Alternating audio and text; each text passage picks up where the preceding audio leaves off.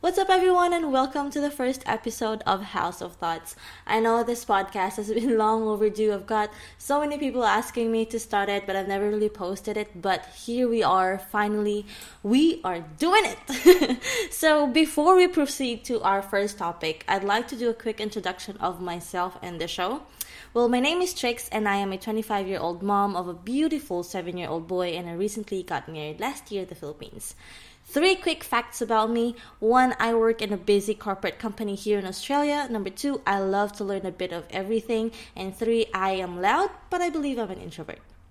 And one of the biggest reasons why I started this podcast is because I've always wanted to inspire and help other people, but I was never really sure of how I'm gonna do it, and I'm never I was never really sure of what the platform will be. And so until I discovered podcasting. I started listening to podcasts way back in 2013 yata where um, the, the the podcasts were quite structured and unconversational. Um, this year was when I started to listen to Filipino podcasts, and that's when I discovered a lot of our amazing podcasters like The Linya Linya Show, Adulting with Joy Spring, and Wake Up with Jim and Saab. And so I had that aha moment that maybe I could do it too in my own way and share the ideas that I have with you guys. So, what will this podcast be all about? Well, this podcast will be sort of like our life diary where we talk about the things that we learn as an adult, tips and tricks in growing as a person in general, or even just a trip down to memory lane. It doesn't matter if you're not in your 20s yet or if you're not in your 20s anymore, because I believe in one point or another we face the same situations throughout our lifetime, though some would experience them sooner or later than others. So I hope that this would help you out in making better decisions, help you out in discovering and improving yourself better. Also by listening to this podcast i want you to know that you're not the only one na nalilito or naguguluhan or if you feel that you're behind life and you're behind others because here i am exactly in the same boat as you are and I'd like to make this podcast as collaborative as we can. So I encourage you to share your thoughts, your ideas, and your struggles as well growing up or growing as an adult so we can all talk about them in the show. Feel free to shoot me a DM on my Twitter and Instagram. My user is at TrixMayrina, so that's T R I X M A Y R I N A. And please use the hashtag House of Thoughts PH. So there's a quick introduction of House of Thoughts and me. so enough with the blabbering and let's now move on to our first topic. So I want us to start on something positive and light, but hits us right in the spot. And I realize that this topic is very relatable to everyone because I know a lot of people who struggle with this. And I'm actually one of them, and I'm guilty as hell.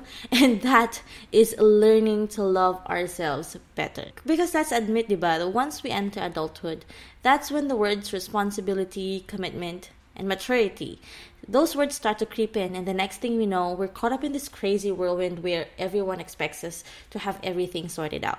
And some other people, where when they graduate, they start to have family already, they get married, they have kids, and so wala na silang pahinga in between for themselves na when they study, you know they, they weren't able to give themselves break because they had to transition to another phase of their life we focus too much on what other people expect from us especially for us Filipinos it's very it's a very common dialogue na naririnig natin yung okay lang na sa, sa susunod na lang ako basta yung pamilya ko nakakakain. Di ba? Very very common yun. And then we forget that we need to nurture ourselves and our souls too.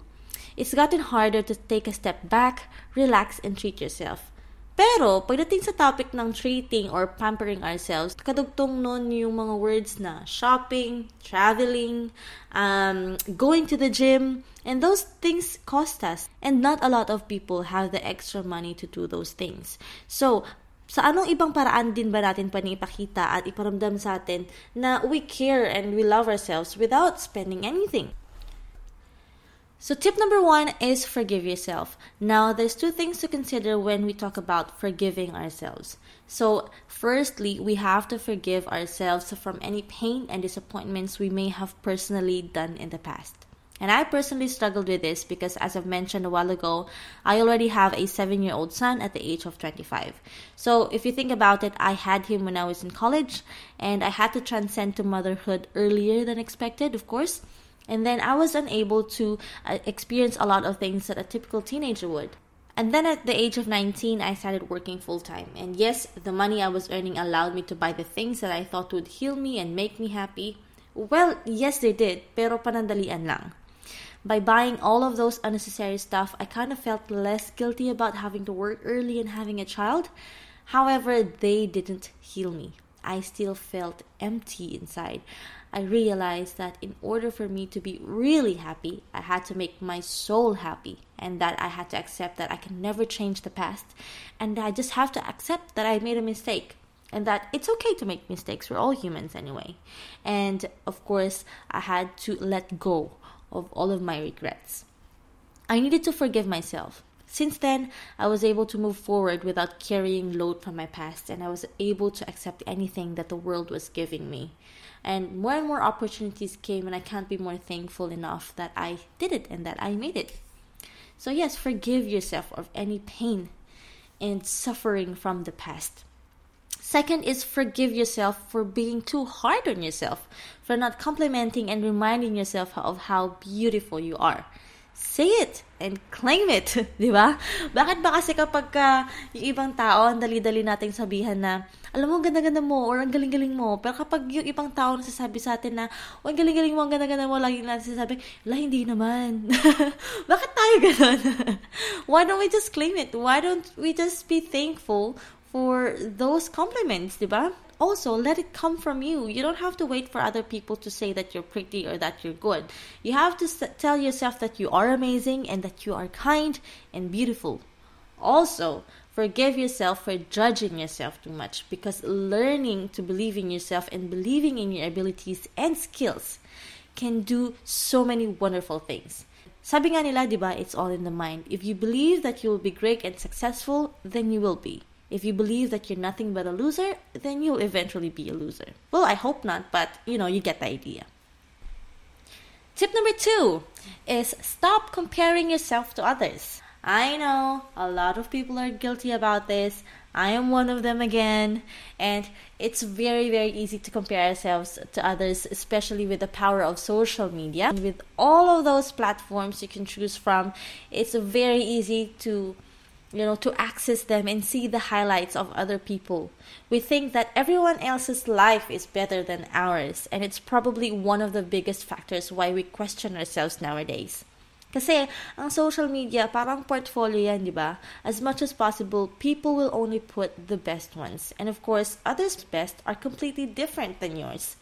That goes along with comparing in terms of success. So degree, work, marriage, kids, holidays, way of living, coche and whatnot, we focus so much on what we lack and what we haven't achieved yet to those who already did. And it's funny how people can pressure us and make us feel insufficient without even them trying. Just by simply posting photos, they could make you feel so inferior, diba? We assume that they have it all figured out and that they don't have their own problems, but in reality, they might just be as confused and, and insecure as we are.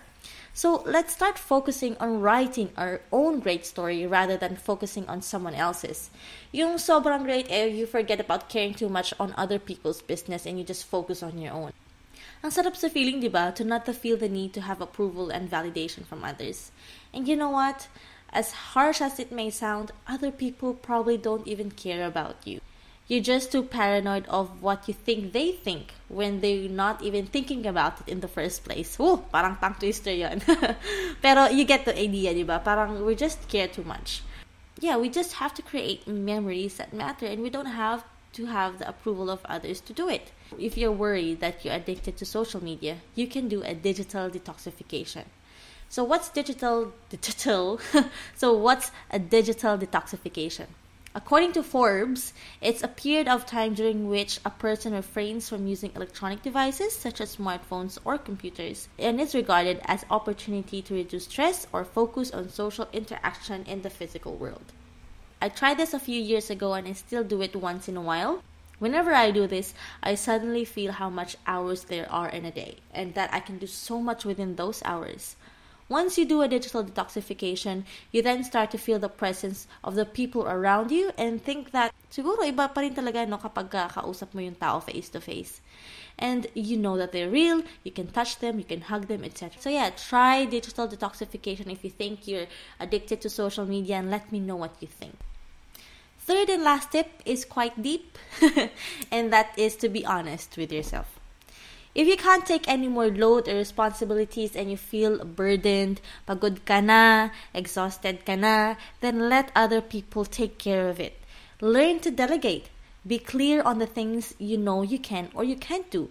Don't feel pressured na if you won't live up to other people's expectations because remember, it's okay to say no and to stand up and stand up to what you believe in. Don't ever feel sorry for prioritizing yourself over others because you are your greatest asset anyway. No one else will take care of you other than you. And be honest with your feelings. Don't say you're okay if you're not okay. And don't don't ever lie to yourself. Also, we have to be honest about what we want in our relationships. It's not just ano yung uh, intimate relationship. It's also like friends and family, diba? If you're not happy, let them know. If there's something wrong, let them know. Because pag sinabi mo, you'll know if they'll make an effort to fix it with you or if they don't care. If they don't care about fixing it, then leave. Sometimes loving yourself means ending relationships that do not contribute to your growth. If you surround yourself with people who don't support you, who control you, and pulls you down, then it will be very difficult to rise up and achieve your dreams. Surround yourself with people who want to grow, learn, and inspire other people. That way, waking up will feel so much better because you know you're surrounded with people who spread positivity, and you want to be one of those people who spread positivity, diba? From today, I encourage everyone to start waking up with a grateful heart because knowing that life is already short, we should focus on the things that should matter. If you're healthy, be grateful for it. If you have a steady income, be grateful for it. If you woke up today, be thankful for it. If you're listening to this podcast, thank you God for the ears. because once you become grateful and change the way you think about yourself, you'll see the world in a completely different perspective and start to become the person you desire to be. So there you have it, guys. I hope you enjoyed our free tips in learning ourselves more without spending anything.